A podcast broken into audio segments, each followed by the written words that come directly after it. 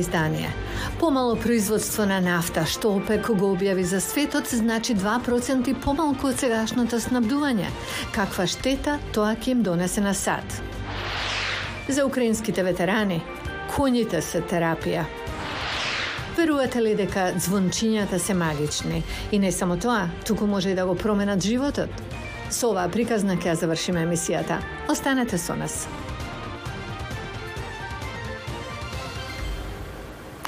Го гледате News Flash на гласот на Америка на македонски, а јас сум Лилица Китановска. Емисијата започнуваме со објавата дека некои од најбогатите држави со нафта ќе го намалат производството. Ова не му оди во прилог на Бајден пред изборите во ноември и Белата куќа вели дека од одделот за енергија е побарано да ослободи 10 милиони барели од американските резерви следниот месец. Големо прашање е дали тоа ќе им помогне на демократите. Еве ги деталите. Организацијата на земји извознички на нафта ОПЕК заедно со Русија и други производители на нафта вчера објавија дека ќе го намалат производството за 2 милиона барели дневно, почнувајќи од следниот месец. Групата рече дека одлуката е заснована на неизвестноста околу глобалната економија и нафтениот пазар. Постапката на групата може да ја помогне на Москва да ја плати тековната војна со Украина и да им наштети на шансите на американскиот председател Џо Бајден дополнително да ги намали цените на бензинот за американските возачи. Портпаролката на Белата куќа Карин Жан Пиер зборуваше за разочарувањето од одлуката во Виена од страна на 23 земји кои припаѓаат на ОПЕК и коалицијата. Ако одлуката на ОПЕК има значајно влијание врз цената, тоа ќе биде особено за земите со низок и среден приход, рече меѓу другото Жан Пиер. Аналитичарите велат дека потекот на ОПЕК може да го зголеми ризикот од глобална рецесија во наредните месеци. Украинските воени ветерани кои загубиле екстремитети во борбите поминуваат низ уникатна форма на терапија која вклучува помош од некои четири ножни пријатели. Станува збор за коњи. Поранешниот војник од прва класа Петро Аполски на првите линии возил борбено возило за пешадија. Денес неговата единствена мисија е да јава конј по име Додо. Коњите се како автомобили. Треба да ги одржувате чистите да изгледаат убаво, за возврат ке ги јавате. А Полскиот загубил ногата во регионот на Донбас во мај. Тој вели дека се здобил со тешки внатрешни повреди, но лекарите направиле чудо. Лекарите во Бархмут, регионот Донјекс, ми кажа дека сум роден под срекна звезда. Уште 20 минути крварење немаше да може да ме спасат. Сега го славам 18 мај како мој втор роден ден. Иако неговото тело заздравува, неговите ментални борби се подлабоко вкоренати. Психолог и инструктор за јавање им помагаат на воените ветерани и ги охрабруваат да пробаат нови искуства.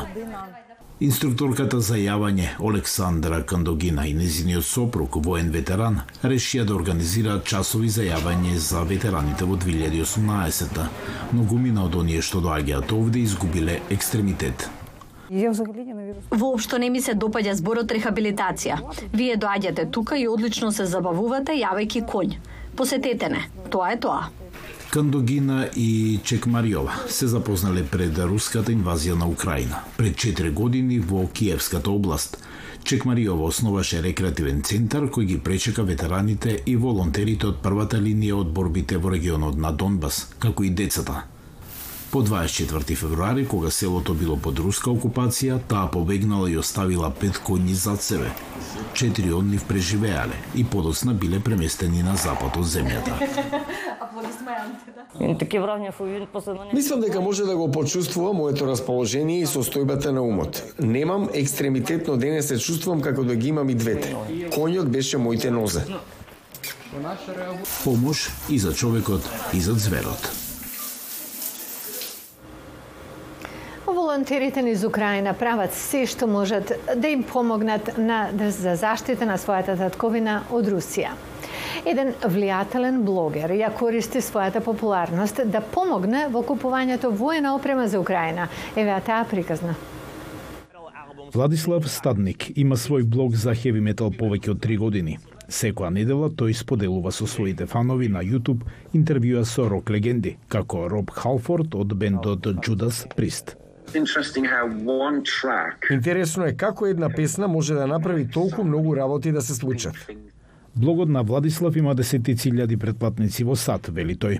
Кога бил помлад, студирал економија во Бостон, а откако дипломирал, останал во САД поради работа. Руската анексија на Крим во 2014 година ги промени плановите за кариера на стадник. Тој се врати во Украина и никогаш не зажели за својата одлука. Задайте свои собі запитання. А Запрашајте се.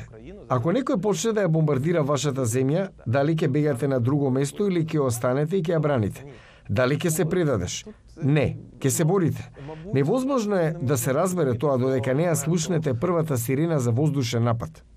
За да ја помогне на украинската армија во првите месеци од војната, Стадник основал фонд што го нарекол Челични крилја. Фондот помага во снабдување на војската со заштитна опрема, додека Владислав ја користи својата популарност преку блогирање да помогне. of my donations, you know, from abroad. Повеќето од моите странски донации доаѓаат затоа што сум блогер до некаде, препознатлив во хеви метал круговите во САД, Велика Британија и некои други земји. Понекогаш кога има голема цел, стадник може брзо да ги собере потребните средства од својата публика. Добротворната организација Челични крилја ја снабдува украинската армија со работи како што се панцири, елеци, дронови и автомобили. Работата никогаш не запира. Украинците кои волонтираат за други средства му помагаат на стадник со логистика. Волонтирањето бара многу време, па често му се придружува и малата керка на стадник. Мојот сон е војната да заврши. И стадник и неговиот тим работат напорно за да го направат тој сон реалност. Пред повеќе од две децени, Наталија Паруз имала собречајка во Нью Йорк. Додека заздравувала, отишла на патување, каде била инспирирана од звончињата на вратот на кравите. Еве како тоа и го променило животот. Bells are magical. Звончињата се магични. Обликот им е како фустан, што визуелно е како магија. Колку повеќе истражував, толку повеќе бев фасцинирана. Имам околу 700 звончиња во мојата колекција. Наталија Парус е улична музичарка со звончиња во Йорк, која, иако е добитничка на повеќе музички награди, сака да свири на улица. Таа секогаш е срекна кога зборува за незината колекција на звончиња. Elephant bell. Целата приказна почна со овие звончиња што ги купив од продавници за туристи во Австрија. Парус некогаш била танчерка.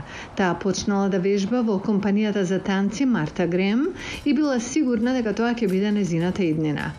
Но се се сменило за секунда, кога ја удрило кола на улица во Нью Йорк. Таа била тешко повредена и физички и психички.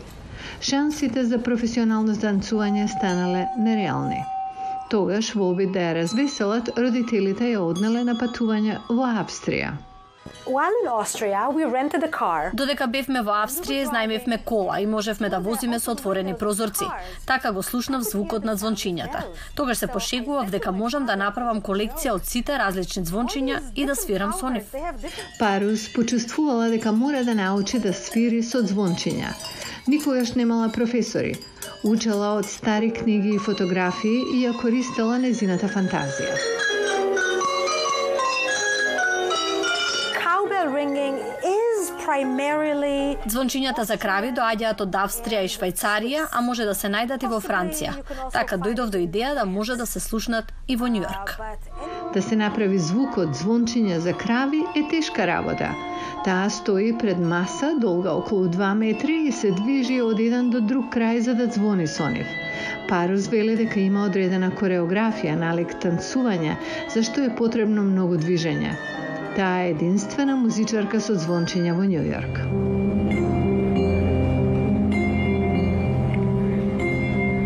Ernest Hemingway wrote. Ернест Хемингвеј ја напиша за кого бијат камбаните. Мислам дека бијат за сите нас. Го гледавте News Flash на гласот на Америка на македонски. Поздрав од студиото во Вашингтон. До гледање до утре.